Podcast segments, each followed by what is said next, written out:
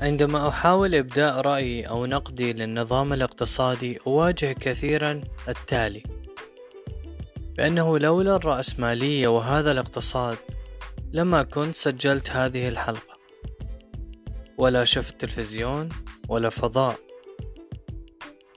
وأن كل هذا التطور هو نتيجة هذا النظام الاقتصادي اللي أنت مش عاجبك الرد البسيط على أصحاب هذا الجواب أو الفكر. بأن كل تطور موجود اليوم ليس حكرا على المجتمع الغربي أو أي مجتمع أو الاقتصاد الحالي بل هو نتيجة تراكمات واكتشافات علمية من أول حضارة نزلت على كوكب الأرض إلى اليوم. يلا نحكي شوي.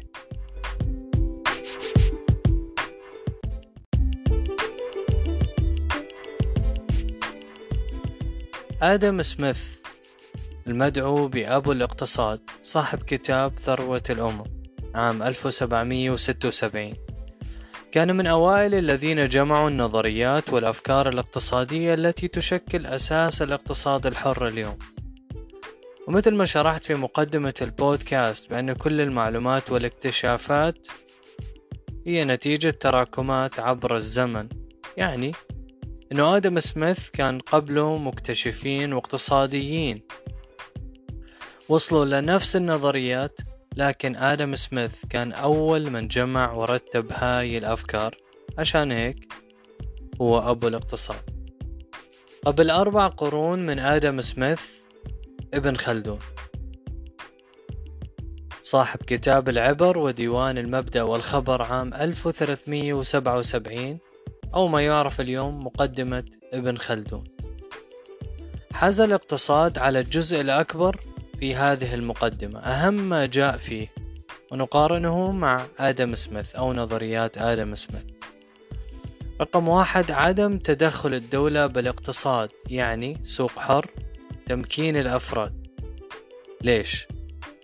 ليش؟ لأنه زي ما شايفين اليوم في أغلب الدول العربية الإسلامية الأفريقية وحتى الدول اللي تدعي أنها دول ذات نظام اقتصادي رأسمالي مبني على حرية الأسواق.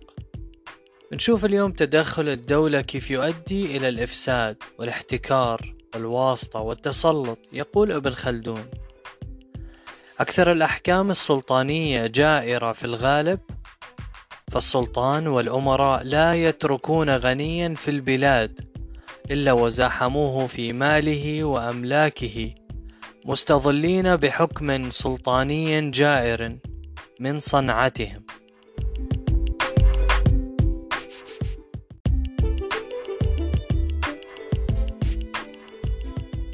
يرفض ابن خلدون تدخل الدولة في الإنتاج والتجارة بشكل مباشر أي بوصفها تاجر أو منتج.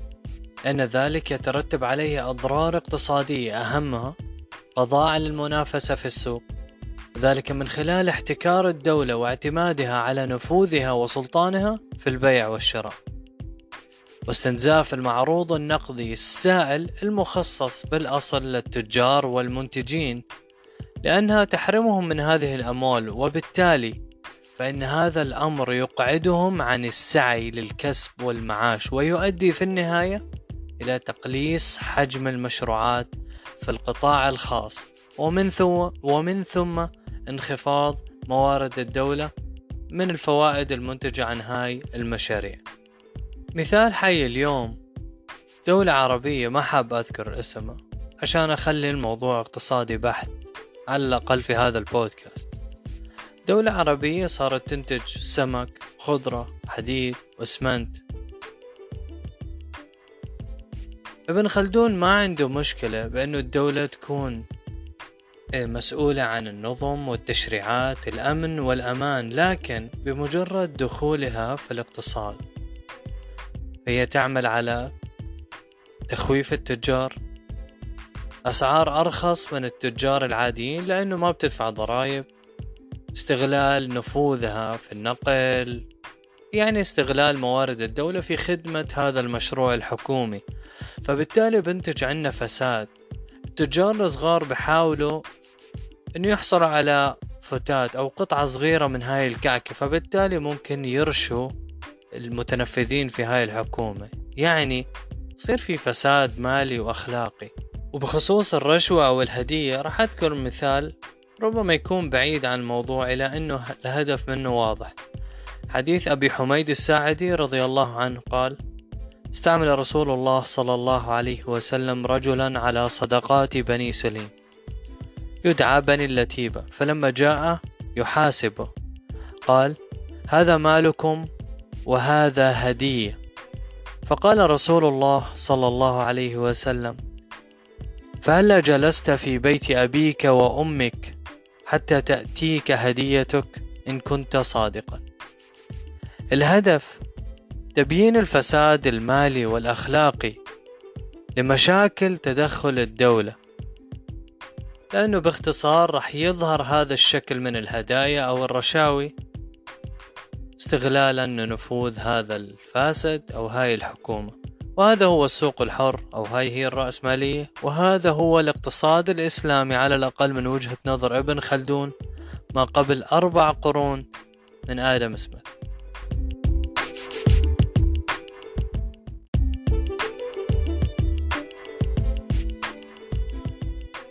من أهم الأفكار التي كانت وراء نعت سميث بأبو الاقتصاد هي نظرية اليد الخفية والحافز الاقتصادي.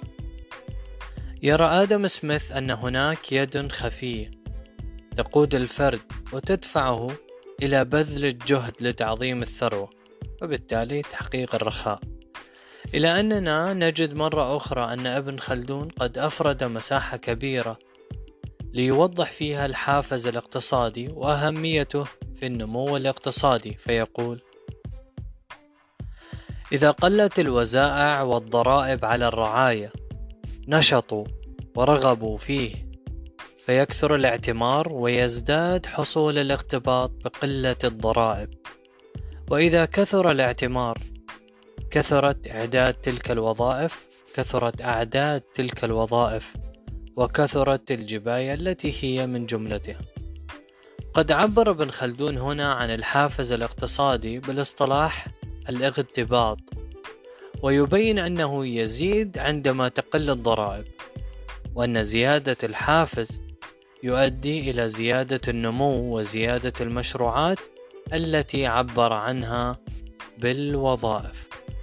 يبين ابن خلدون أن ضعف الحافز الاقتصادي يؤدي إلى الكساد في الأسواق وذلك لضياع آمال الناس وبالتالي إفساد المصلحة الذاتية. وهاي هي نظرية اليد الخفية. يبين ابن خلدون أن عندما تضيع آمال الناس ربما يكون السبب الظلم الواقع عليهم من أصحاب الجاه والنفوذ اللي هو تدخل الحكومة بأي شكل كان. فيقول في ذلك يزيد ذلك في أواخر الدولة زيادة بالغة. فتكسد الأسواق لفساد الآمال ويؤذن ذلك باختلال العمران عكس نظرية اليد الخفية بمثال معاصر اليوم في الدول الغربية أو بأمريكا وحتى بالدول العربية بصير ضخ مبالغ كبيرة من الفلوس أو النقد في الأسواق لإنعاش الاقتصاد. وهذا أصلا هو عكس مبدأ أو عكس نظرية اليد الخفية.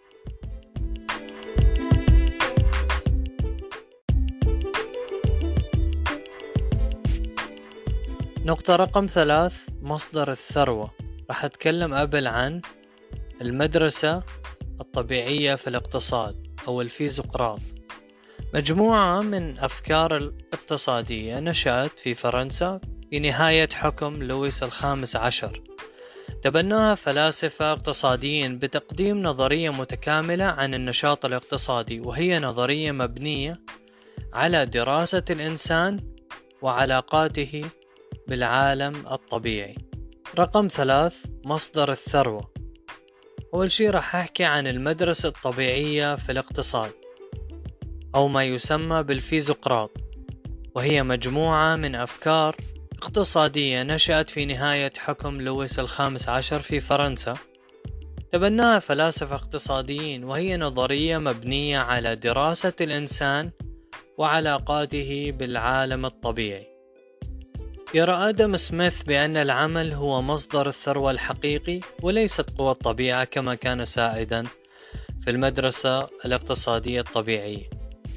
ولعل نظرية سميث في موضوع الثروة ومصدرها من الموضوعات التي رفعت من قدره إذ أنه أحدث تغييرا جذريا في الفكر الاقتصادي السالف. ولكننا نجد أن ابن خلدون قد سبق سميث أيضا في هذا الموضع. حيث يوضح بشكل لا لبس فيه أن العمل الإنساني هو مصدر كل ثروة فيقول اعلم أن الكسب إنما يكون بالسعي في الاقتناء والقصد من التحصيل فلا بد في الرزق من سعي وعمل ولو في تناوله واقتنائه فلا بد من الأعمال الإنسانية في كل مكسوب ومتمول.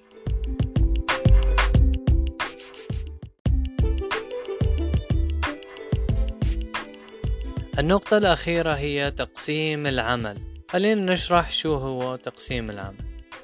يتم توزيع العمل المطلوب لمنتج ما بين العديد من الأشخاص حيث يقوم كل منهم بإنتاج جزء من المنتج النهائي وبالتالي بدلا من قيام كل عامل بتصنيع المنتج قطعة بقطعة يتخصص كل عامل في إنتاج قطعة واحدة من المنتج. ويتم تجميع كل القطع التي ينتجها كل العاملين معا لتكوين المنتج النهائي. ومن شأن ذلك تحسين الإنتاجية من خلال زيادة مهارة العامل فيما يتعلق بتنفيذ عملية بسيطة بشكل متكرر زائد توفير الوقت التي الذي يتم غالبا فقده في الانتقال من عمل إلى آخر. ومن أشهر الأمثلة على ذلك خط التجميع الذي وضعه هنري فورد. إن السبب وراء تحقيق شركة Ford Motor Company. نجاحا كبيرا للغاية في بدايات القرن العشرين هو أن هنري فورد كان أول من أتقن خطوط التجميع التي تستخدم التقسيم التفصيلي للعمل. ويمكن النظر للتقسيم التفصيلي للعمل في نطاق أوسع عندما تعمل شركات متعددة معا حيث تقوم كل منها بعمل أجزاء متبادلة لتصنيع المنتج النهائي. وأخذ سميث هذه الفكرة ليطبقها دوليا حيث ذكر أن البلاد التي تمتلك موارد ولديها قدرات معينة في إنتاج سلعة محددة يجب أن تتخصص في إنتاج هذه السلعة وتقوم بمبادلتها بسلع أخرى لبلاد أخرى تتميز بقدرات مختلفة عنها. ومن ثم يتحقق أقصى منفعة من خلال تخفيض أسعار السلع مع زيادة جودتها.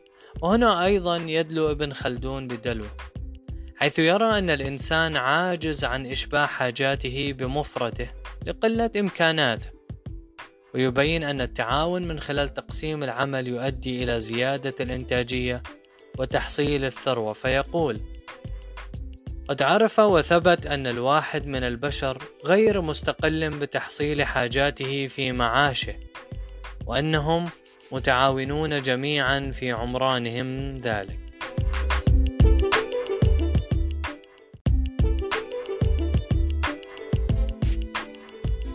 يتجلى لنا من خلال هذه القراءة اليسيرة في مقابلة ما جاء به آدم سميث من أفكار ونظريات.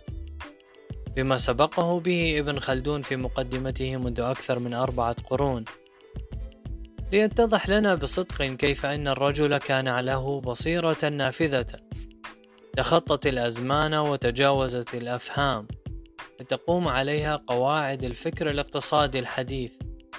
وأنه لم يحزي شهرة آدم سميث في هذا الباب من العلم إلى أن فئة كبيرة من الاقتصاديين والباحثين في الغرب قبل الشرق قد اعترفوا لهذا الرجل بعبقريته الفذة في تعقيد الكثير من القواعد للاقتصاد الحديث. وبما أن آدم سميث هو أبو الاقتصاد فعلى الأقل ابن خلدون هو جد الاقتصاد. سلام.